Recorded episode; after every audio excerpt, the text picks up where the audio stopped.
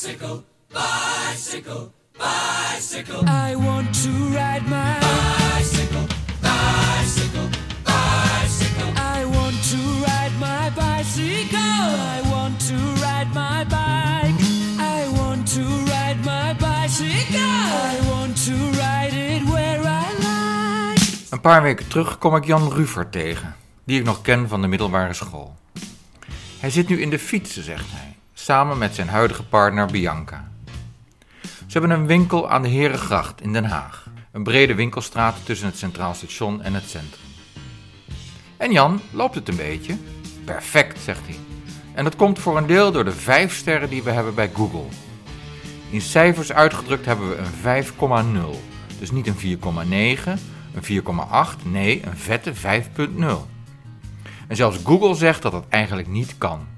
Je hebt dan namelijk vrijwel geen slechte beoordeling. We maken meteen een afspraak voor een interview. Want dat geheim wil ik ontsluieren.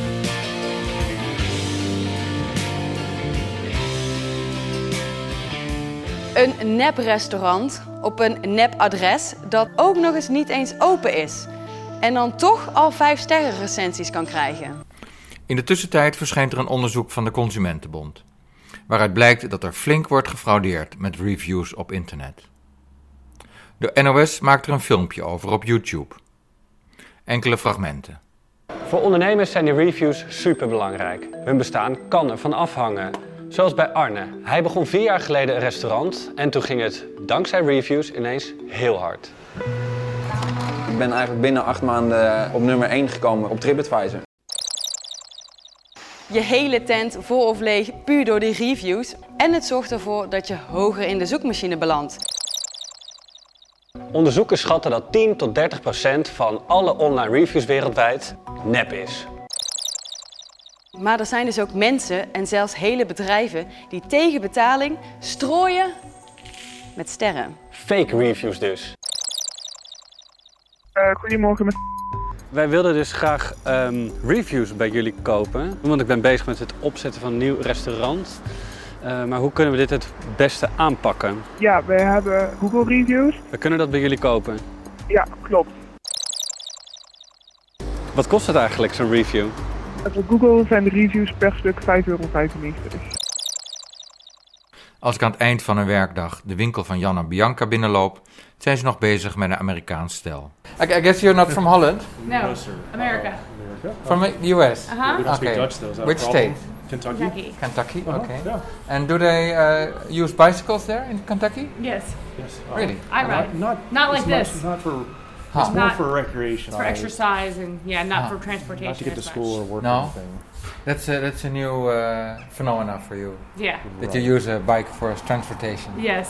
And, and so you're living now in Holland or? He works No, here. On uh, our annual audit is going on right now, so I'm visiting for the audit. Then I go home in a couple weeks. I see. So But in the meantime, you want to use uh, a bicycle for transportation? I'm scared to ride a bike. Really? Really? I've not actually ridden a bike here. So we're, we're getting accessories for back home because we feel comfortable because there's more, what do you call it, a bike path? Where it's, you know, Yeah, there's, there's paths and stuff. It's paved. Yeah. There's paths that you can ride along that are very Not as paved. frantic. But you can ride in the streets. You just have to have helmets, and they will hit you with the car. Like people get hit all the time at home. In Kentucky? Oh yeah, they get hit all the time. There's always incidences where bikers, their cars hit them on purpose because they're annoyed. Yeah. So it's very dangerous. So you have to get all this, wear all these, you know, protective gear. I'm, I'm a little nervous. I don't It's trust scary. cars. Well, in, in Holland, you're king of the road. I heard. I heard that today. People are very uh, Yeah. precautious. right, exactly. Yeah, I heard that today. Because uh, bikers can be quite fierce also when you don't give them uh, away. Apparently. Fietsen in Nederland is eng. En in Amerika eigenlijk ook. Het stel laat zijn ogen vallen op Delsblauwe So fietsbellen. Ik, Jan en Bianca keuvelen erop los. En uiteindelijk krijgt het stel ook nog koffie aangeboden. Aha, zo doe je dat. It's helping me. good. I, I'm doing a lot of exercise here, aren't I, Katie? Bicycle, bicycle. Dus dat was weer een eh, geweldige Was weer een review vijf erbij. Ja, ja, ja, ja. ja.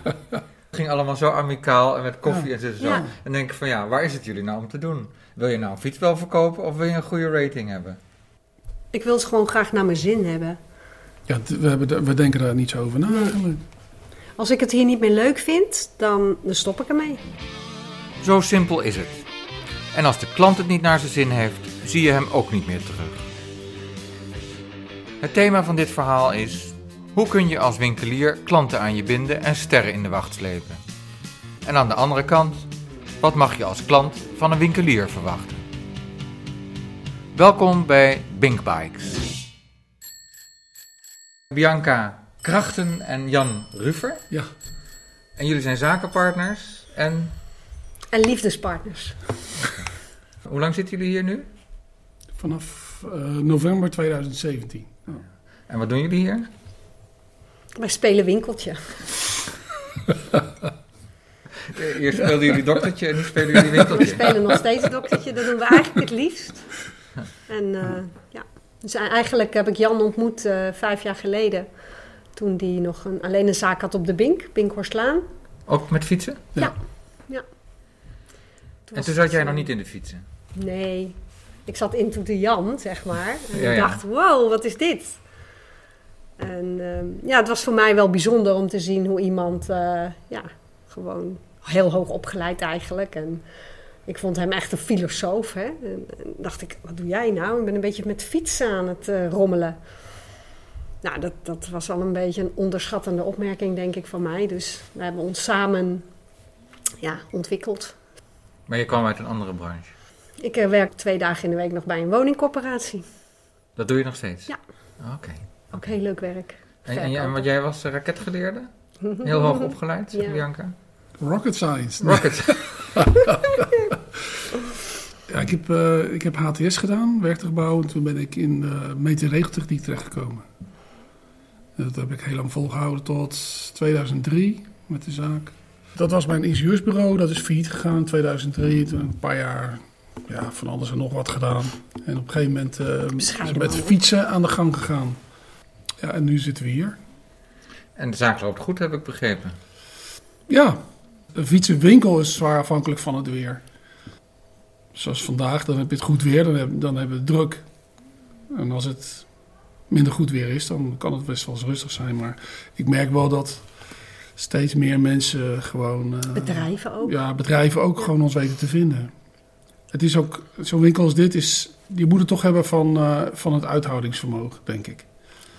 Mensen moeten Ons hier- uithoudingsvermogen Nou ja, zeker. dit- ja, het is een kwestie van volharden. Ja. We zaten op de Bink toen we, toen we hier naartoe gingen. Toen Dat is dachten de, de Binkhorst, hè? Ja, Wat- ja. is dat, de Binkhorst? Dat, is- dat was de winkel. Op de, eh, maar bij dat is een bedrijventerrein 36. toch, Ja, bedrijventerrein, ja? ja, Bink 36. Daar zaten we met een werkplaats. En ehm, ja, op een gegeven moment zijn we hier naartoe gegaan. Omdat ik, ik merkte dat mensen bij ons een beetje bleven hangen in het segment eh, gebruikte fietsen en wat goedkopere fietsen. Want het was ook geen zichtlocatie, hè? De Bink lopen ook geen klanten langs of Nee, zo, zoals nee. hier. Nee, want dit is perfect eh, Ja. gelegen tussen Ja. het Centraal Station en, eh, en eh, de binnenstad van Den Ja. Haag. De Ja. bruisende binnenstad. Ja. Toen hadden wij zoiets van, nou, we moeten wat meer met e-bikes gaan doen, wat duurdere segmenten gaan opzoeken. En eh, dat, dat past op die locatie niet. En zelf fietsen bouwen natuurlijk. Fietsen bouwen, ook wat we, wat we vanaf het begin af aan hebben gedaan. En we zijn hier begonnen met heel veel designfietsen. En gaande rit kwamen we erachter dat mensen hier toch wel gewoon op zoek zijn naar familiefietsen en stadsfietsen en zo. E-bikes beginnen nu ook te lopen. Wat ik zeg net, het is wel een kwestie van volharden. Want het is, het is fietsenwinkel, je moet een beetje bekend worden. Hè? Ja, dat is het eigenlijk. En zijn jullie verhaal. bekend nu? Ja, ik denk het wel. We hebben- En heb je eraan gewerkt? Ja, ja, dat gaat niet vanzelf, hè, Peter. Nee, Jan. Wat hebben we dan gedaan, Jan? Wat hebben we eigenlijk gedaan? Ja, gewoon hier, gaan we hier zitten en dan ga je zitten en dan eh, denk je, nou, ik moet gaan marketing gaan doen en ik moet een website gaan bouwen enzovoort enzovoort. Maar uiteindelijk is het gewoon, mensen lopen hier voorbij. Ik weet niet, duizenden mensen lopen hier per- per dag voorbij. De meesten zien het niet, hè? Dan komen ze hier binnen en zeggen, goh, hoe lang zit je hier nu al? Ja, ik zit hier al eh, anderhalf jaar. Goh, ja, kom hier dagelijks voorbij en ik heb je nog, eh, ja, je Ja. bent me niet opgevallen of zo. Tja, hoe val je dan op? De ervaring leert dat mensen je weten te vinden als ze je nodig hebben. Daar heb je eigenlijk geen betaalde reclame voor nodig, zegt Bianca. Je kunt beter, gratis, opvallen op internet. En op dat idee is ze gebracht door een tevreden klant. Ik heb een paar dingen bedacht. Ja, oké, Google is belangrijk. Hè. Daar zijn we eigenlijk vijf jaar geleden mee begonnen.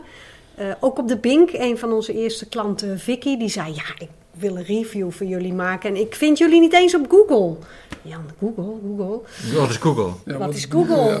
Dus toen zijn we dat uit gaan zoeken. Dat was onze eerste review. Je kan hem ook helemaal onderin zien staan van Vicky. Ja. Bij ons op de gang, een 5 sterren review. Jan Rufer, beter bekend als Jan de fietsenman van Big Bikes, heeft me een paar keer geweldig uit de brand geholpen.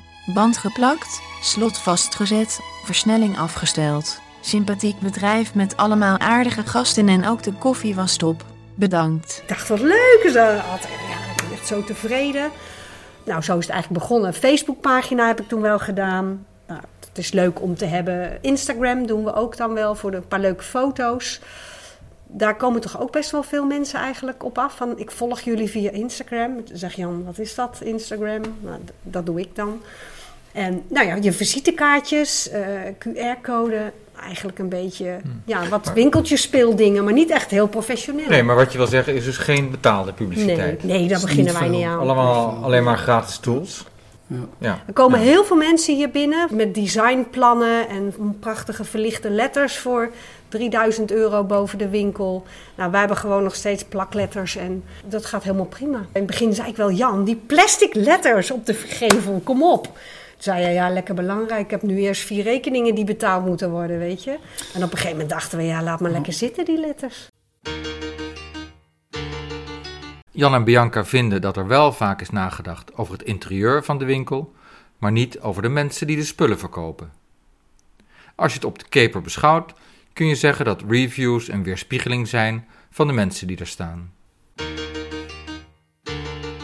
En ehm, op een gegeven moment zei dus Vicky van, joh, eh, nou, oké, ze moet die review plaatsen. En toen zei Bianca, ja, eh, we gaan reviews plaatsen. En Ja. nou, eh, mijn dochter Charlotte review Ja, plaatsen. ja. En iedereen ging op een gegeven moment een review plaatsen. En dat, het, eh, dat gingen we integreren in ons eh, sales Ja. eh, verhaal. We hebben het eh, ook eh, mensen gewoon uitgenodigd via eh, op de facturen, weet je wel. Nou, en gaande de rit kwamen er dus steeds meer reviews. En toen, toen dachten wij van, hé, hey, Die sterren, leuk. die zijn saai. Ja, Toen zei ik van, joh, leuk die sterren, maar maak er een leuk verhaaltje van. Nou, Ja. er staan hele gedichten op over Ja. ons. Het Ja. gaat namelijk gewoon... Je kan overal een cortina kopen, weet je. Het gaat gewoon over ons. En dat vind ik zo leuk. En dat weten mensen te waarderen. En daar komen echt hele mooie verhaaltjes uit. Great shop and amazing service. Had a total with my bike and was struggling. As it's my main way of traveling with two little kids. The gentleman in the shop sorted it out for me. Knowing I needed it that night.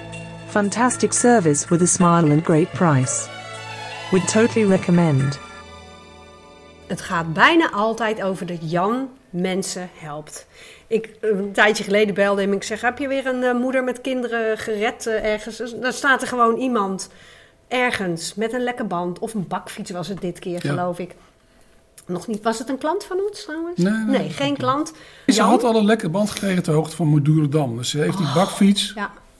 eh, Ja, geduwd, met twee kinderen erin van Madurodam Ja. naar hier, naar hier gebracht. Ja, het zweet stond op de voorhoofd en eh, het huilen stond er ook naderbij Ja. dan het Maar lachen. niemand wilde haar helpen. Nee, Nee? nee. Hoe bedoel je niemand? Nou, het was al na vieren. Dan gaat iedereen gewoon naar huis. Vooral fietsenwinkel. En het was zo'n grote Urban Arrow gekocht Ja. bij eh, die grote Ja. concurrent bij ons. En Ja. die hadden ze, had ze gebeld en die zei, ja, we kunnen u niet helpen. Nee, ze zijn allemaal al naar huis. En toen zei ik van, nou, breng hem maar. Dus dat was weer een eh, geweldige Was weer een review erbij. ja, ja, ja, ja. Speelt geld eigenlijk nog een rol? ik ben dan gelukkig wel wat zakelijker, maar ik heb met Jan nog wel regelmatig strijd over laat maar zitten en doe maar 5 euro. Want dan zeg ik, lieve schat, doe maar 5 euro en je hebt de gratis leenfiets mee. Dat kan toch niet? Dat- weet je? Dan zegt hij, ach, is toch leuk en ik ken haar en het is een goede klant. En denk ik, ja, eh, oké. Dus we proberen nu wel een, beetje een tussenweg te vinden. eh, van, Ja, kijk, uiteindelijk moeten we toch hier hebben van de nieuwe fietsen. En niet van de reparaties. Maar goed, de reparaties kosten veel tijd. En gelukkig is het zo dat het vanaf het begin af aan eh rendabel is geweest. Ja, ja. Er moest geen geld bij. Nog even terug naar die, eh, die Google eh, reviews. Hè? Ja. Ik zag dat er nu bijna 250 eh, op staan. Ja. En eh, nou, het zijn allemaal heel persoonlijke boodschappen. Ja. Waar staan jullie nog meer? Groupon, waar we vroeger mee in veel. zee zijn gegaan. Ook alleen maar 5 sterren reviews. TripAdvisor, ook alleen maar 5 sterren reviews. Ja. Facebook, Facebook ook alleen maar op 1 of 2, 3. De, meeste, de meeste impact heeft Google. Ja. En dat vertaalt zich ook in het geval van Google naar een hogere vindbaarheid in de zoekmachine. Ja. Ja, maar En ik, dat ik is- vond dat een beetje tegenvallen wel. Want ik heb ingetikt fietswinkel eh, Den Haag. En dan komen jullie niet in de top 3 of wat dan ook. Nee. Er zijn wel mensen die dat voor ons kunnen fixen, maar ja, Ja. kost weer wat, hè? Maar hebben als je dan eenmaal zoveel Bink verstand Bikes van. zoekt, bedoel, dan komen jullie er eh, Glansrijk. glansrijk uit. Ja. Ja, en dan Ja. zie je ook aan al die, die reviews dat ze allemaal heel persoonlijk zijn. Ja. Ja. En Leuk, dat ze dan ook allemaal heel echt zijn. Hè? Ja. Nou, volgens Google eh, klopte er iets niet met onze reviews. Oh ja? We hebben één keer een 1 sterren review gehad. En ik kijk dan en ik zeg dan, nou, kan toch niet kloppen. Jan zegt altijd, een ontevreden klant is een ontevreden klant. Maakt mij niet uit of wie er gelijk heeft, hè. Ehm, dus ik keek zo, er stond geen foto bij, geen naam bij. Alleen maar wat van die tekentjes. Dus wij konden ook niet herleiden wie het was. Ehm, toen dacht ik, ik stuur een mailtje naar Google om te vragen of die review eraf mag. Het zat mij toch dwars, hè?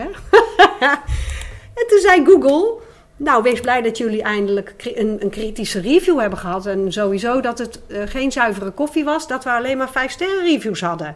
Nou, serieus. Dat vond ik wel eh, de limit. Het mailtje heb ik nog. Het punt is ook, denk ik, dat wij direct reageren op alle reviews.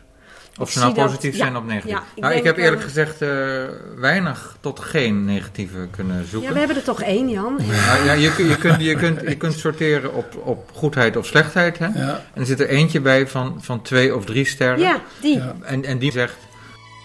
Na een oorspronkelijk negatieve ervaring hebben Jan en Bianca ons vriendelijk te woord gestaan en zich ingespannen om het probleem op te lossen. Deze review is van Kwan van der Knokken. Hij geeft drie sterren, hoewel het er eerder minder waren. Toen is het weer goed gekomen. Ja, zoiets, wij hè? hebben, wij hebben hem uitgenodigd in de winkel. Dat doen we altijd. Maar dat is niet iets wat ik doe onder invloed van Google. Hè. Als een klant ontevreden Ja, is altijd.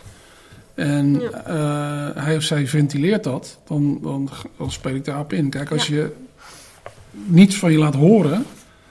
En, dit- medium dat heeft eh, een aantal kanten. Ehm, als iemand niet tevreden is over ons en hij doet daar verder niks mee, dan gaat hij waarschijnlijk naar de concurrent. Voor de volgende keer. Plaats je nou een negatieve review, dan kan ik die klant bellen en zeggen: joh, Mhm. vertel wat is er nou aan de hand? Wat kan ik, wat kan ik voor je betekenen? Wat hebben we verkeerd gedaan? Het kan van alles zijn. Kijk, als het een soort non-reactie is of onzinreactie, dan kan ik er niks mee. Maar als het een serieus eh, probleem is of we hebben iets verkeerd gedaan, nou, dan wil ik daar graag wat aan doen. En als dat dan goed gegaan is, ja, dan wil ik dat ook wel op een of andere manier terugvinden in die review. Dat is wel fijn. Ja, Daar vragen we ook om. Dat zeg ik ook. Van, Ja, want, wie- want, want, want wie schrijft een review? Iedereen die er binnenkomt? Of vraag je Oh, alleen aan de mensen die tevreden zijn? Nee, nee, het is niet zo dat we eh, iedereen die eh, sowieso die in ons systeem zit en die van onze factuur krijgt voor werkzaamheden, staat het erop, die nodigen we uit. En laten ook mensen zelf kiezen of via welk medium ze reviews willen schrijven. We hebben gemerkt dat het belangrijk is dat mensen feedback geven, want dat geeft een Mhm. verbinding met ons bedrijf. Ja. En ik weet dat een heleboel bedrijven dat niet doen, omdat ze bang zijn voor negatieve reviews. Eh, We zitten nu in een comfortabele positie. Dat als jij nu een, negatieve review schrijft, dat wil zeggen een 1 of een 2 sterren, heeft dat geen impact meer op mijn rating. Omdat er zoveel vijfjes zijn. Precies.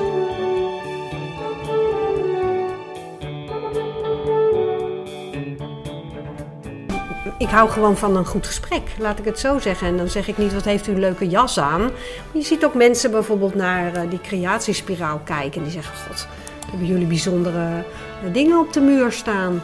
Nou, en dan, dan praat je daarover. En wij komen soms ook heel snel met klanten. Dan gaat het over ineens, hè, die zijn best wel persoonlijk, die gesprekken.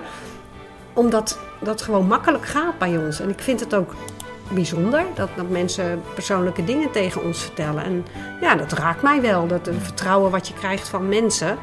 En dat zijn dan toevallig klanten, zeg maar. Eigenlijk is het net of je de hele dag visite krijgt. Zo zie ik het maar.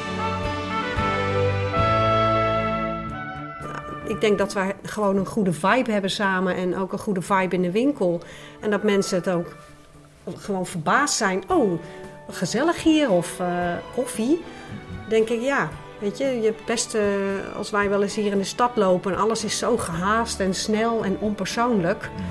En dat is niet iets wat ik fijn vind in een winkel. Ik ben er dan ook gelijk uit.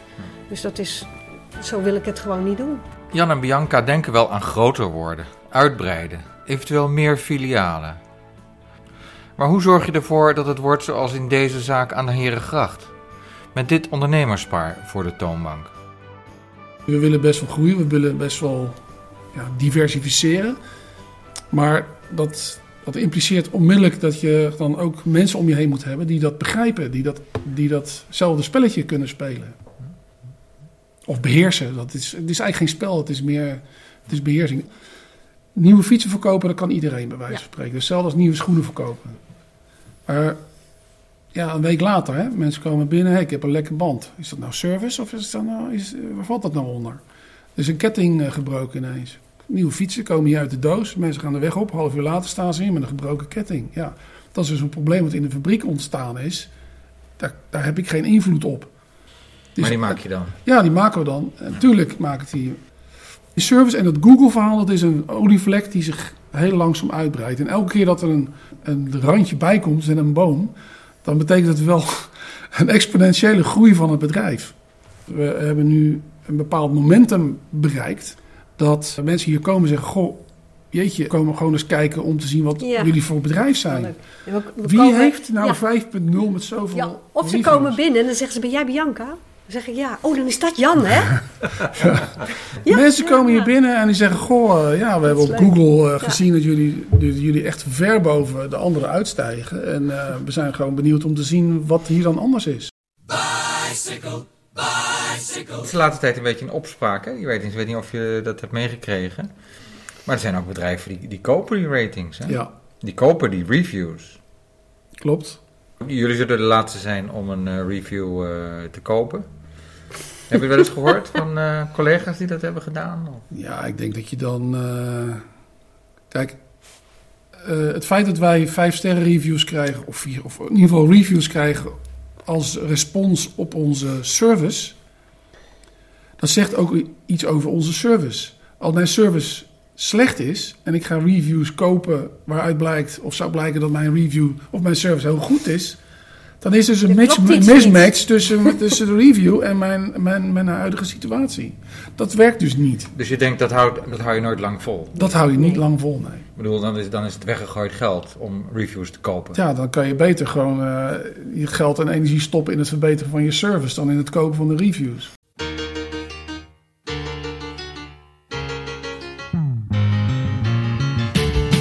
Niet alle rijwielshops in Den Haag zijn zo fortuinlijk met hun reviews. Ik bel er een die veel 1 en 2 sterren heeft. Hij blijft liever anoniem. Rijbels, goedemiddag. Dag met eh, Peter de Ruiter, goedemiddag. Dag. Dag. Ik ben journalist en ik maak een reportage over beoordelingen op Google. En nou zie ik dat u als eh rijwielhandel niet zo goed wordt gewaardeerd. En dan vraag ik me af, is dat echt of is er iemand die de pik op u heeft? Nou, het is... eh, eh, het meeste gaat over huurfietsen. Die wij verhuurden voor... Oh, nou, nou wat ik tegenkom is, is mensen die eh, een lekke band hadden. Ja, dat, dat, ja ik, vind, ik, vind, het- ik vind het een heel vaag verhaal die, over reparaties. Want het lijkt mij dat als je het ergens niet mee eens bent, dat je dan gaat praten met de eigenaar. Ja. En, en dat ben ik. En ik heb nooit iemand gesproken over, eh, over dat er iets niet goed is gegaan. Mm, nou ja, ja, die mensen die zeggen dat ze niet goed zijn behandeld, hè? Ik geloof, ik geloof de hele, al die recensies niet. Ja, nee, maar dan moet ik ze toch gesproken hebben. En ik heb geen rare gesprekken gehad met mensen die het ergens niet mee eens waren. Ja. Dus ik, ik weet niet waar ze vandaan komen. Ja, er staan ook geen namen bij, hè? Nee, nee, daarom. Het is, eh, ik heb geen idee wat, eh, hoe die, hoe, ja, waarom, waarom die berichten neg zo negatief zijn, zeg maar. Het, het geeft mij alleen maar bevestiging op het idee dat de, de, die recensies op internet niet kloppen. Schrijft u zelf wel eens een recensie? Nee, nee. Eh, als, ik, weet je, als, ik, als ik tevreden ben over een bedrijf, dan vertel ik het mensen. Als iemand eh, iets aan mij vraagt, bijvoorbeeld om zijn auto te laten repareren en ik weet een goed adres, dan zal ik ze daar naartoe sturen. Daar hoef ik geen recensie voor te schrijven. Maar, maar he- heeft u er last van? Nee, totaal niet. Er zijn mensen die komen hier binnen van, joh, ik heb je recensies gelezen. Ik zeg, dus ik kom even testen hoe het is. En toen zeggen ze, ja, nou, welkom. En dan, en dan gaan ze wel als tevreden klant weer weg. En dan gaan ze als tevreden klant weer weg.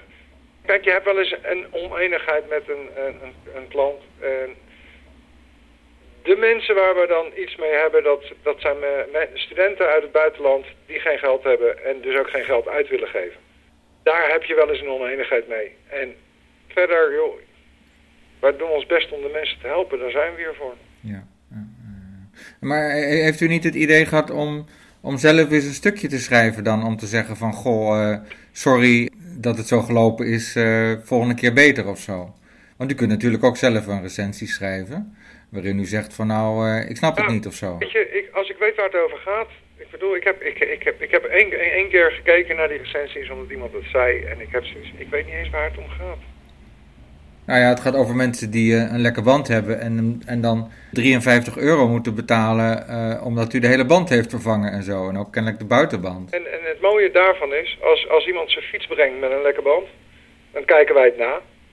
Als, als, als er meer is dan alleen een band vervangen of plakken, dan krijgt de eh, klant een sms'je dat het meer gaat kosten.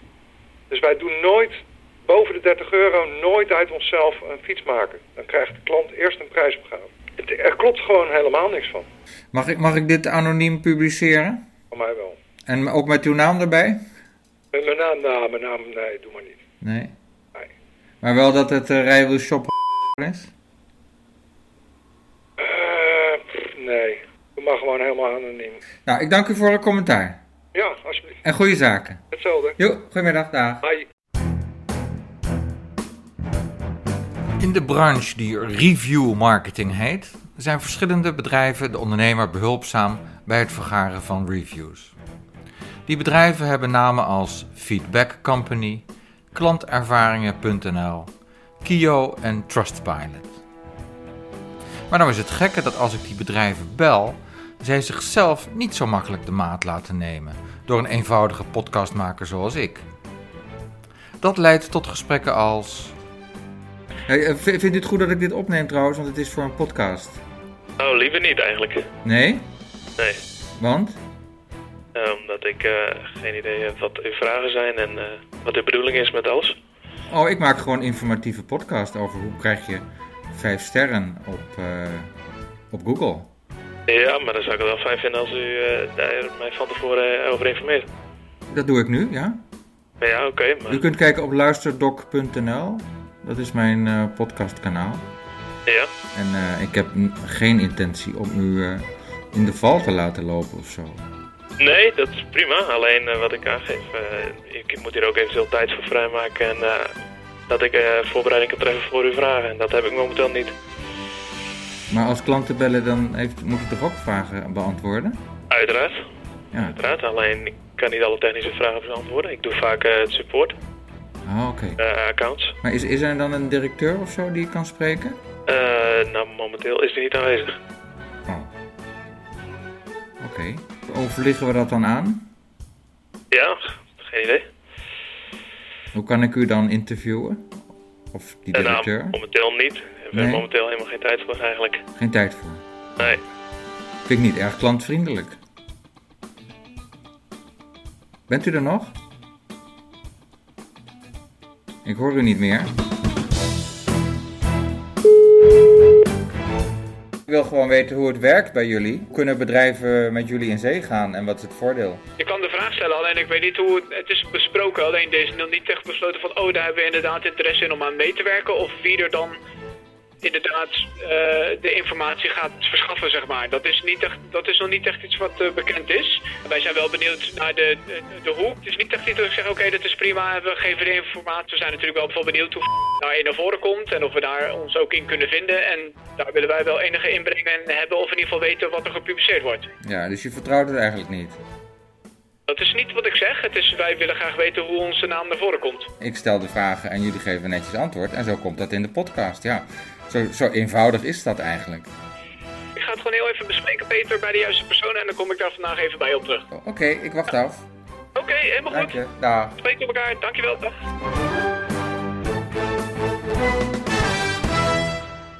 Ik had dit bedrijf al twee dagen eerder gebeld en er was beloofd terug te bellen. Maar dat was nog niet gebeurd. Maar goed, als ze vandaag nog bellen, dan hoor je dat aan het eind van deze podcast. Ja, dat is een echte cliffhanger. Een bedrijf dat wel openheid van zaken geeft, is 5 sterren specialist. Ik heb meteen de directeur aan de lijn. Jan Overkooi, je bent 5 sterren specialist? Nou ja, ik eh, mag hier directeur spelen. Oké, en, en wat, wat doe je daar als directeur? Ik probeer hier de boel draaiend te houden en eh, te zorgen dat alles in de goede baan eh, geleid wordt natuurlijk. Ja, en, en wat doe je voor de klanten, zeg maar?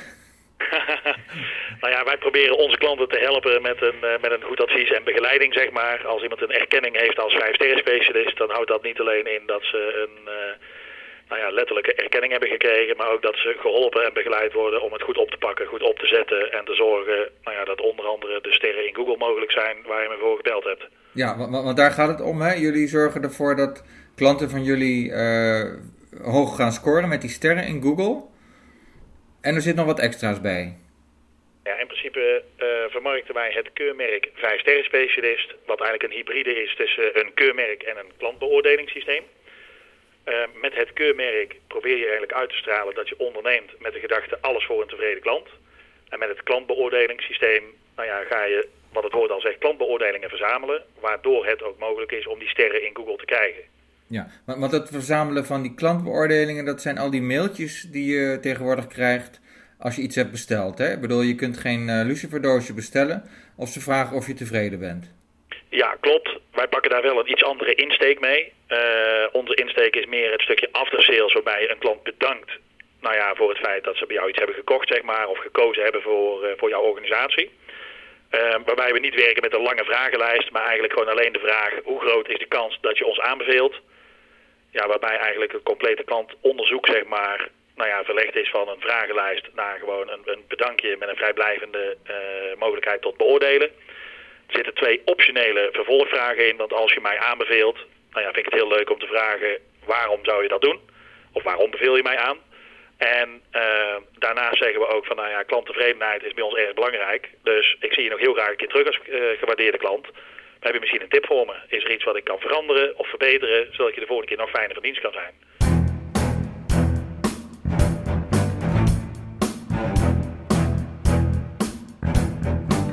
Het bedrijf helpt je dus bij het verzamelen van sterren en het geeft een keurmerk uit, waarmee je je 5 sterren specialist mag noemen.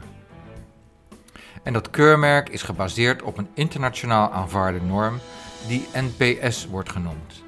Net Promoter Score. Een maat om klantloyaliteit te meten. En die normering is ook erg belangrijk, want als iemand keurmerkhouder is, moet hij wel een minimale nou ja, NPS-score behalen van 35, want anders wordt het keurmerk ontnomen. Wie kan er nou beter controleren of dat de klant fijn wordt geholpen dan de klant zelf? Dus onze jury, ons controlepanel, ja, zit hem bij de klant die het zelf heeft ervaren. En die bepaalt of dat je dat keurmerk waardig bent op basis van een gemiddelde score die wereldwijd nou ja, erkend is. En dat is die NPS. Ja. Dus je krijgt ook, ook inderdaad uh, zo'n keurmerk hè, als je zaken doet uh, via jullie. Mm -hmm. um, uh, en daarmee straal je dan als bedrijf uit dat je extra hard loopt voor je klant. en dat je erg servicegericht bent. Maar ja, wie heeft er nou een bedrijf dat dat niet is? Dan moet je toch niet uh, in zaken zitten, denk ik. Ik denk dat gezonde ondernemingen dat allemaal hebben. Alleen dat is het vervelende voor de consument. Iedereen roept dat hij wat harder voor je loopt. En nou ja, de slechte, uh, hoe zeggen ze dat? de goede die moeten altijd lijden onder de slechte. Als je dat alleen maar roept, hoe kan ik het dan controleren? En daarmee nou ja, proberen we gewoon ondernemers die het echt goed doen een manier te geven om dat niet over zichzelf te zeggen als zijnde de slager die zijn eigen vlees keurt, maar dat nou ja, eigenlijk je tevreden klanten dat gaan roepen. En, en, uh, en worden jullie op jullie beurt ook beoordeeld? Of gecheckt? Wij kunnen uh, beoordeeld worden, uh, want onze keurmerkhouders kunnen ook ons beoordelen. Dat is ook gewoon openbaar en inzichtelijk. wij scoren uit mijn hoofd een, een 8,6. Het kan ook een 8,7 zijn. Eh, maar kijk gerust even op onze website, dan, eh, dan kun je dat ook zien. Maar, maar stel nou dat ik niet meer van die mailtjes wil krijgen. Kan dat? Gewoon afmelden. Oh, dat kan. Ja, natuurlijk. Want op zich vind ik die Maken naar de mailtjes... AVG-wet en eh, eh, je mag niet spammen. Oh, maar ik, ik, ik heb de indruk dat, eh, dat als ik iets bestel, dat er automatisch zo'n mailtje komt. Ja, ook Of ik het dat nou goedgekeurd heb of niet. Ook dat is waar. En de wetgeving laat toe dat je je eigen klanten alles mag sturen. Tot het moment dat zo'n klant dat niet fijn vindt, dan moeten ze zich kunnen afmelden. Ja, dan geef ik gewoon een 1. Eh, ook dat kan. Oké. Oké, nou Janne, hartelijk dank. Graag gedaan. En daar word ik eindelijk ook een keer teruggebeld. DTG aan de lijn. Die ik had gebeld over die andere rijwelshop in Den Haag.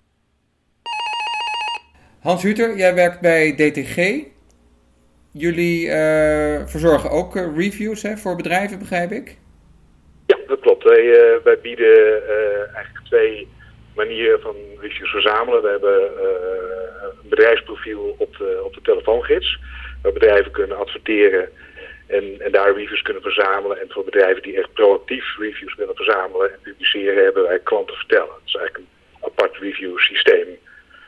En die zijn ook aan elkaar eh, gekoppeld. Als ik het eerst mag hebben over eh, telefoongids.nl. eh, daar staan eh, onder andere eh, reviews op van, van, van een rijwelshop die ik net heb geïnterviewd. Ja, die, die kwam er niet zo goed uit. En, en toen ik keek, toen zag ik ook dat eh, al die reviews anoniem zijn. En toen dacht ik van, ja, dat is wel een lage drempel om, eh, ja, om te gaan klagen, zeg maar. Ja, dat, eh, dat klopt. Dat is ook iets waar wij op, dit moment aan het kijken zijn of wij dat eh, niet eh, moeten veranderen. In het, eh, in het verleden was het, eh, hebben we de drempel zo laag mogelijk gelegd om ja, mensen zeg maar, makkelijk een, een beoordeling kunnen laten geven. Overigens eh, beoordelen we deze wel vooraf. Hè. Dus het is zo dat als iemand nu een review plaatst op de telefoongids, dan wordt dat wel altijd eerst even door een persoon bekeken. Of daar geen ja, beledigende teksten in staan of persoonsgegevens. Dus daar, daar zit wel een, een, een kleine check op, maar ze zijn inderdaad anoniem.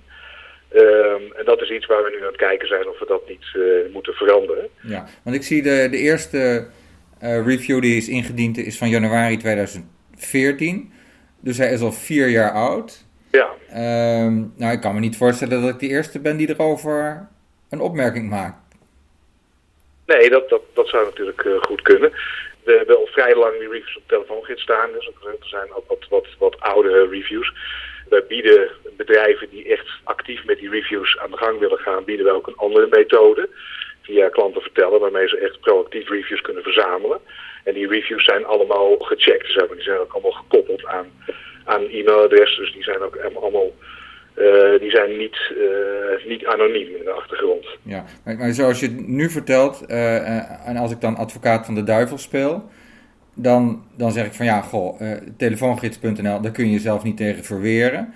En als je daar dan slechte reviews krijgt, dan kun je bij een ander bedrijf van DTG shoppen. Ehm, en dan, eh, ja, zeg maar, jullie betalen om, om goede eh, sterren te werven. Nou, kijk, het is, niet zo dat als je ons betaalt dat je daar automatisch goede sterren mee werft. Dan kan je proactief onder je eigen klanten reviews gaan, gaan verzamelen. En wij bieden eh, bedrijven wel de mogelijkheid als, als, als bedrijven echt problemen hebben met, eh, met de reviews op de telefoongids. Komt wel eens voor dat ze daar eh, eh, ja, met ons in conclave gaan van hé, hey, dat, dat klopt niet. Dan bieden wij wel de mogelijkheid om die reviews op de telefoongids uit te zetten. Alleen dan verdwijnen ook alle reviews, dus ook de positieve reviews. En, en wij, wij raden ze altijd aan om ze bijvoorbeeld met zo'n systeem van klanten te vertellen echt gewoon goede reviews te verzamelen die ze ook op allerlei plekken kunnen publiceren en waar ze ook op kunnen reageren. Want dat is heel belangrijk als je zeg maar reviews verzamelt als bedrijf. Hè. Als je ook af en toe slechte reviews krijgt, dan kun je daar beter gewoon een goede reactie op geven dan ze, dan ze helemaal eh, weg te halen. Ja, en dan kan een eh, ondernemer zeggen van ja, sorry dat het zo gelopen is, maar eh, kom nog een keer langs en dan, eh, dan praten we erover. Ja, ja, Maar dat kan niet hè, op telefoongids.nl. Op telefoongids.nl kan dat inderdaad niet. Hè. Dat is ook, ik zeg, ja, we, we zitten echt naar te kijken of we dat, eh, dat moeten veranderen. Dus het staat al heel lang op, eh, op mijn wensenlijstje om dat, om dat wel te kunnen. Het staat op jouw wensenlijstje. Op welke plaats? Eh, vrij, vrij hoog, ja. Oké. Dus ik mag je binnenkort nog een keer bellen? Ja, zeker, dat, eh, dat mag. Ja. En jullie exporteren ook Kio, begrijp ik? Klopt, Kio is, is inderdaad vergelijkbaar met klanten vertellen. En dat is, dat is meer voor je webshops. Ja. En dan gaan jullie ook eh, zeg maar de, eh, de antifraude maatregelen aanpakken. Want ik lees hier in een artikel eh, over consumentengids dat zij ja, makkelijk een fake bedrijf konden oprichten en, en fake reviews konden posten bij Kio. Bij Kio, oké, daar, daar, daar is mij niks van bekend. Dat verhaal ken je niet? In, in, in, in principe doen wij wel een, een check, zeg maar, als hè, ook een bedrijf. Omdat wij natuurlijk ook, ja, Kio is een betaald product, ook, eh, eh, ook eh, factureren daaraan. Ja. Nou ja, dan moet je het verhaal nog maar even lezen. Het is een paar weken terug gepubliceerd bij e-mers. En ja, daarin wordt dan juist beweerd dat die check er niet is op fake reviews. Daar, daar, daar zal ik me even in, in verdiepen dan, inderdaad. Oké.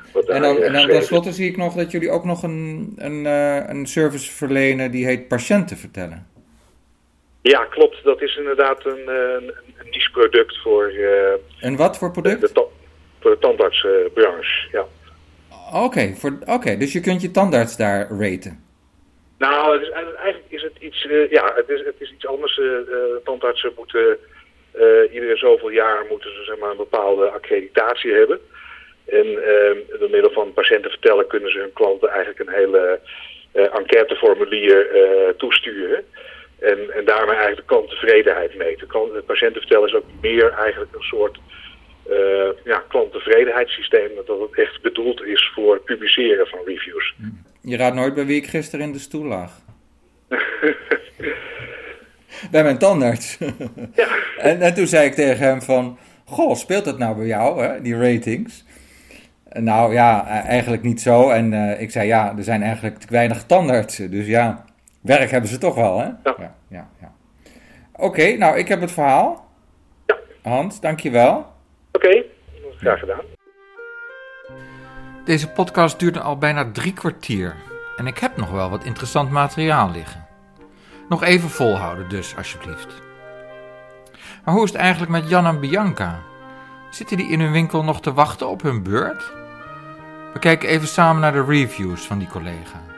Dit keer op Google. Ja, als ik een review krijg en er staat avoid unless desperate to fix bike, ja, dan, dan moet ik me echt als ondernemer achter de oren krappen. Dan denk ik van ja, hmm, Maar, maar deze man heeft ook nergens op gereageerd? nee, je ziet ook dat hij nergens op reageert. Nee. Het, het boeit hem niet blijkbaar. Nee.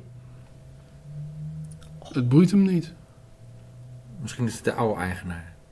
Dat Als je een nieuw bedrijf begint, kan je ook gewoon opnieuw beginnen met Google. Ja. En wat ik ook een, een, een, een punt vind, is dat ehm, als, je zo, als er zo slecht wordt ge- gereageerd op je, Ja. dan zijn er natuurlijk veel meer mensen nog die slechte ervaringen hebben met zo'n onderneming. Dus Dan trekt zo'n onderneming ook zeg maar, de, de beleving van klanten over de, de fietsen eh, business in zijn geheel naar beneden. Maar daarom krijgen wij ook zoveel klanten die afkomen op onze reviews. Die weten, dat is toch best ideaal. Stel je voor, als ik een aankoop ga doen, oeh, Jan is impulsiever. Ik, ben, ik ga eerst uitzoeken, is, het is die afwasmachine getest door de Consumentenbond en eh, waar kan ik hem daar kopen of zal ik hem daar kopen? Jan zegt wel eens, je bent uren bezig met zoeken als, ik dat, eh, als je dat, eh, die tijd mee moet. Kijk gewoon. Dus dat doen mensen. Mensen kijken naar de reviews en daar gaan ze naartoe. En Ik dan, zit even te eh, kijken wanneer die reviews... Oh, het staat erbij. Vier maanden geleden, zeven maanden geleden, drie ja, maanden het is nog geleden. vrij recentelijk al. Ja. Schaamteloze zaak, oneerlijke prijs, onvriendelijk personeel. Zeer, nou, het zijn allemaal werkpunten voor een onderneming. Ja. Werkpunten? Verbeterpunten. Eh, oneerlijke prijs is denk ik een werkpunt. Onvriendelijk personeel is een werkpunt. Zeer slechte kwaliteit is een werkpunt. Je bedoelt, Als ze bedrijf- kunnen zichzelf nog redden. Ja, er is altijd hoop. Ik spreek Thomas Lapere, journalist voor platforms als e-mers en Dutch Cowboys. En schrijver van wat hij noemt commerciële teksten. Ik heb op internet een verhaal van hem gevonden met als kopregel: Review marketing. Waarom, hoe en wat. Ik praat met Thomas over mechanismen die de consument ertoe aanzetten reviews te schrijven. En hoe je als ondernemer het beste kan omgaan met reviews.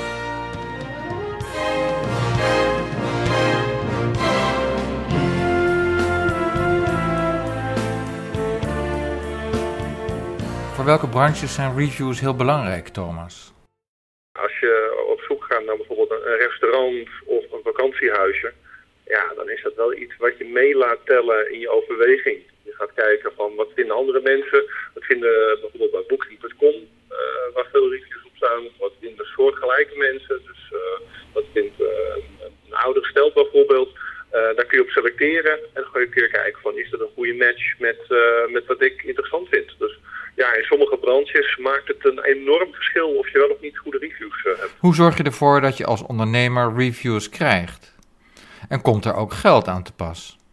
Veel gebruikte manier om reviews te verzamelen ja, is toch wel even dat mailtje nog achteraan nadat je die aankoop hebt gedaan of nadat je bent geweest. Heb je niet de indruk dat consumenten eventueel een beetje moe van worden van al die reviews die ze moeten maken? Ik denk het wel, maar ik denk dat we nog niet bij het einde zijn.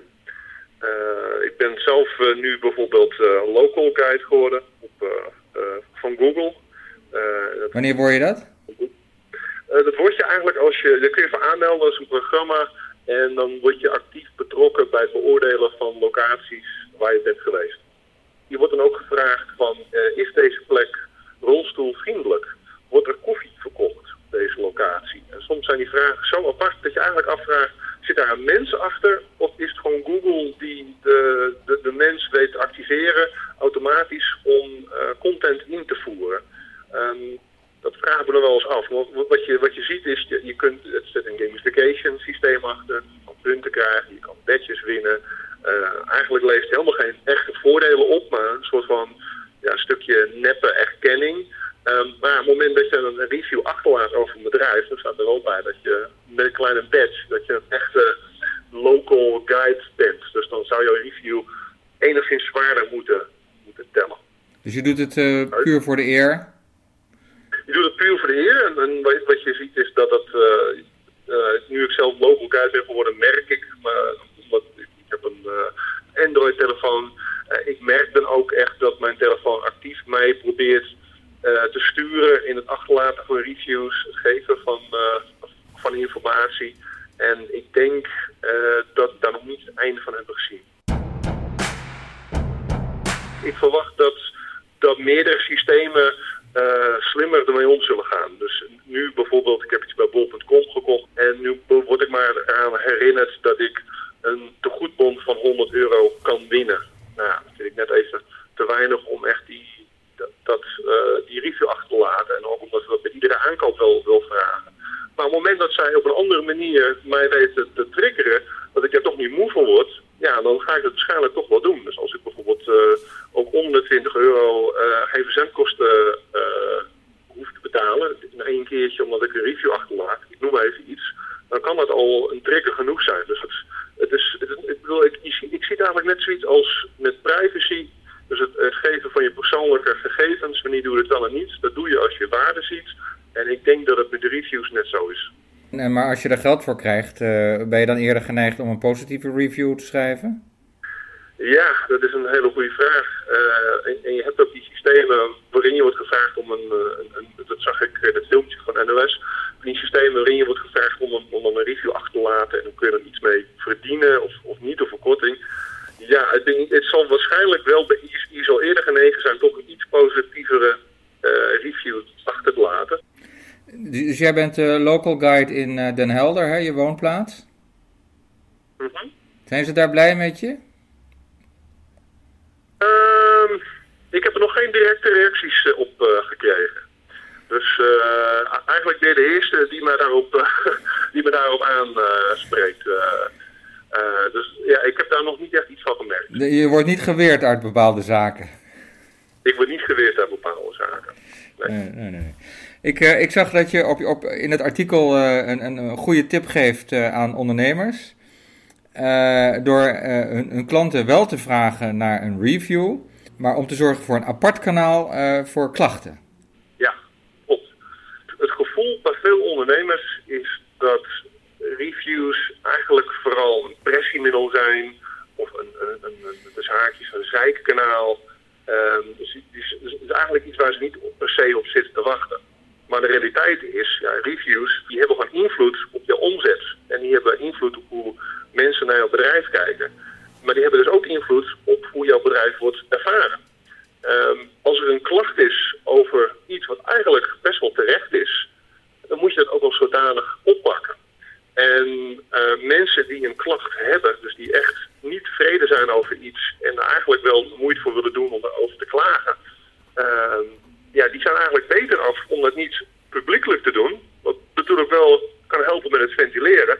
Maar als ze echt een klacht hebben over iets wat niet goed ging, dan is het beter om het gewoon echt als een klacht op te pakken. Ja, want uiteindelijk zijn klagende mensen wel mensen die uh, enige betrokkenheid hebben. Ze willen gehoord uh, worden. Als je echt, uh, het, is, het is vaker dat mensen de neiging hebben wat positiefs achter te laten dan wat negatiefs.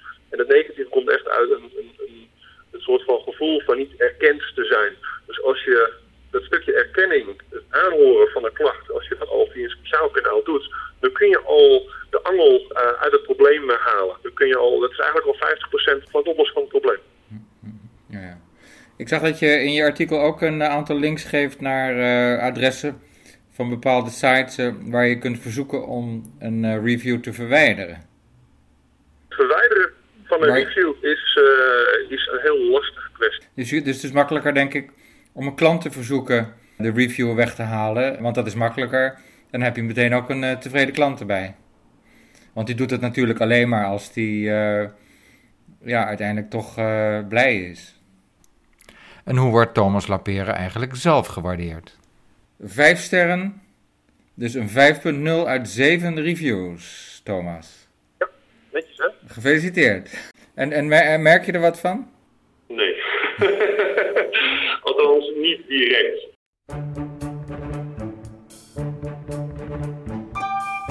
Het is al even aangekaart.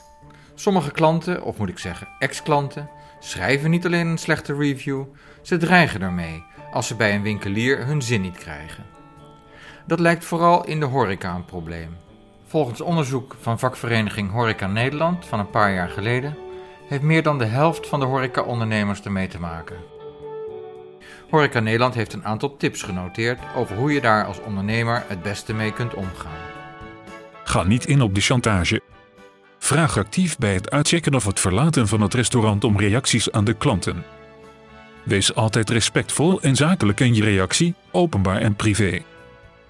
Heeft de gast gelijk, erken dat de klacht terecht is. Geef de maatregelen die je naar aanleiding van de klacht neemt. Ga niet de mening van je klant aanvallen, wijs alleen op eventuele feitelijke onjuistheden. Ga niet in op ieder detail. Nodig je gast uit om opnieuw langs te komen en de verbeteringen te ervaren. Vraag eventueel of de klant bereid is om zijn of haar negatieve review bij te stellen. Ik heb geprobeerd Horeca Nederland hierover te spreken, maar de perswoordvoerder wil alleen schriftelijk reageren. Ook dit bericht laat ik door de computer voorlezen. Beste Peter, ik heb je vraag intern besproken. Wij willen het graag laten bij een reactie per mail. Wij zijn voorstander van platforms met controleerbare, actuele en niet anonieme beoordelingen. En dat is op Google niet het geval. Met vriendelijke groet, Bernadette Naber, woordvoerder, Koninklijke Horeca Nederland.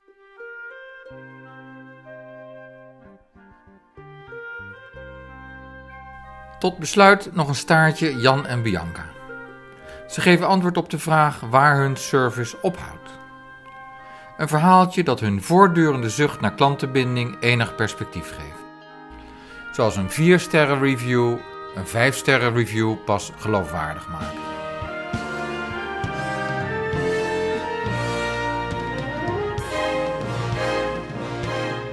Is een leuk verhaal. eh, Dat er wel eens eh, in het begin dacht ik, ja, Jan neemt mij in de maling. Dan ging de telefoon, zei Jan, neem jij hem even, waren we nog thuis. Jan neemt altijd de telefoon op, hè. of we nou in Ierland zijn of gewoon in bed liggen, maakt niet uit.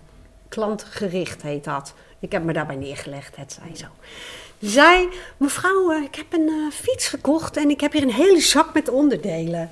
Dus ik denk, zak met onderdelen. En toen zei ze, ja, die heb ik online gekocht, die fiets. Ja, ik weet het, maar hij was zo goedkoop. Toen zei ik, oh mevrouw, goh, nou wat vervelend voor u. Ik deed tegen hem zo van, "Mm, neem je mij in de maling? Hij zei, waar heb je het over? En die mevrouw vertelde dus dat ze een, eh, een, een fiets van een bepaald merk voor 60 euro goedkoper op internet had gekocht. Ik zeg, nou, dat is een hoop geld, 60 euro. Zegt ze, ja, nu, er zat niks op. Trappers niet, zadel niet, stuur niet. Ze zegt, ik weet niet hoe dat werkt. Ik zeg, nou, Dat was een bouwpakket. ja, ik zeg, wat vervelend voor u, zei ik nog. Eh, En ik weer zo naar hem gebaren. En, eh, dus kunt u dat voor mij erop zetten? Toen, dacht ik, toen zei ik van, neemt u mij nou in de maling? Zei ik nog. Ja, hoezo, hoezo? Ze zegt, ja, morgen is mijn zoontje jarig. En een heel verhaal. En toen dacht ik, nou, kan twee dingen doen. Kan beledigd zijn, hè? of zeggen van, ja, mevrouw, eh, als er nu iets is met die fiets, ja, dan moet u hem weer in de doos doen en terugsturen. Of... Maar dat doe ik niet. Ik denk, nou, hoe ga ik dit oplossen? Ik wil haar toch helpen. Een zielig verjaardag. Toen zei ze, wat kost dat dan eh, als ik dat allemaal bij u erop zet? Dus ik zei, u wil 60 euro goedkoper uit? Ja, 60 euro. Ik zeg, dan kost het 65 euro, zei ik. Nou, dan kwam ze hier helemaal met een bezweet hoofd, hè, zo, bezweet hoofd en een beetje boos. En ehm, toen dacht ik, ja, een beetje boos. Ik denk, eh, weet je, wij willen u graag helpen. Het hoeft natuurlijk niet. Het is uw keuze dat u voor die fiets online koopt in plaats van bij ons bestelt. Snap ik ook nog wel hoor, maar u, eh, ja, ook nog steeds geen garantie. Ik zeg, nee, wij kunnen die fiets voor u in elkaar zetten. Als er iets mankeert aan de fiets, moet u teruggaan naar degene waar u die fiets gekocht hebt. Ook al zet Jan deze fiets voor u in elkaar, wij hebben geen garantie, daar geven we daarop. Nou, toen was het hek van de dam. Waarom zeg je niet van, nou, ik doe het voor 55 euro? Nee, ik wil het gewoon even laten voelen. Ja, maar mensen die mogen toch ook wel een bouwpakket kopen? Ja, dat mag. komen ze dan wel achter dat ze alle volgende fietsen bij jullie moeten kopen. Komen ze toch wel. Ja, ach ja ik, ik weet niet of het zo werkt. Ik heb een heleboel collega's die stuur je gewoon weg als je de fiets niet bij hun gekocht hebt. Staat dat- gewoon zelfs al op de deur van, heeft u de fiets niet bij ons gekocht? Nou, dan krijg je bij ons ook geen service. Of we beginnen er niet eens aan. Ja. Nou, tot besluit. Wat is de conclusie van het verhaal? Wat zou je doen zonder Google? Oeh, lastige vraag. Ehm, wat, is- ja, wat is de conclusie? Stel dat het niet bestond, dat hele Oh, het lijkt me echt heerlijk. Het heeft een impact, alleen de impact die het heeft, Ja. dat is, dat is vaag. Hm. Ja, dat is eigenlijk de conclusie van het verhaal. We weten dat het invloed heeft, maar we weten niet hoe groot die invloed is. Als ik, als ik dat meer zou kunnen kwantificeren. Google heeft een effect. Ja. Ik weet het, eh, alleen hoeveel is een beetje vaag. Ja. Dat doet me een beetje denken aan een eh, oude anekdote over, over adverteren uit de vorige eeuw. Een adverteerder die zegt van... Ik weet dat de helft van het geld wat ik uitgeef aan advertenties effectief is. Mhm. Alleen, ik weet niet welke helft. Precies. Ja. Ja, ja. Ja. Maar ja, het voordeel is, eh, de reviews zijn gratis. En de reviews zijn gratis. Ja, absoluut. Nou, dat is ook heel leuk. En het is ook leuk. Want we kunnen natuurlijk Ja. ook een heel leuk verhaal. Als iemand een hele leuke review schrijft, kunnen we daar op een hele leuke manier weer op reageren. Bicycle, bicycle, Ik wil het gewoon graag naar mijn zin hebben. bicycle, bicycle. Als ik het hier niet meer leuk vind, dan, dan stop ik ermee. I want to ride my. Dit was een reportage van Peter de Ruiter. Luister ook naar de podcast Fietsen in Thailand. Klik verder op luisterdog.nl en abonneer je via pod.link slash luisterdog. Oh ja, die meneer van dat bedrijf belde pas de volgende dag terug. Om half negen ochtends al. Hij was er vroeg bij om te melden dat ze niet mee konden doen aan een interview. De baas was er niet, eh, iemand anders was op vakantie en zelf had hij geen tijd. Nou, laten we hopen dat ze voor hun klanten wel tijd hebben. You say black, I say white. You say bar, I say bite. You say shark, I say him. And Jaws was never my scene, and I don't like Star Wars. You say Rose, I say Royce. You say God, give me a choice. say Lord, I say Christ. I don't believe in Peter Pan, Frankenstein, or Superman.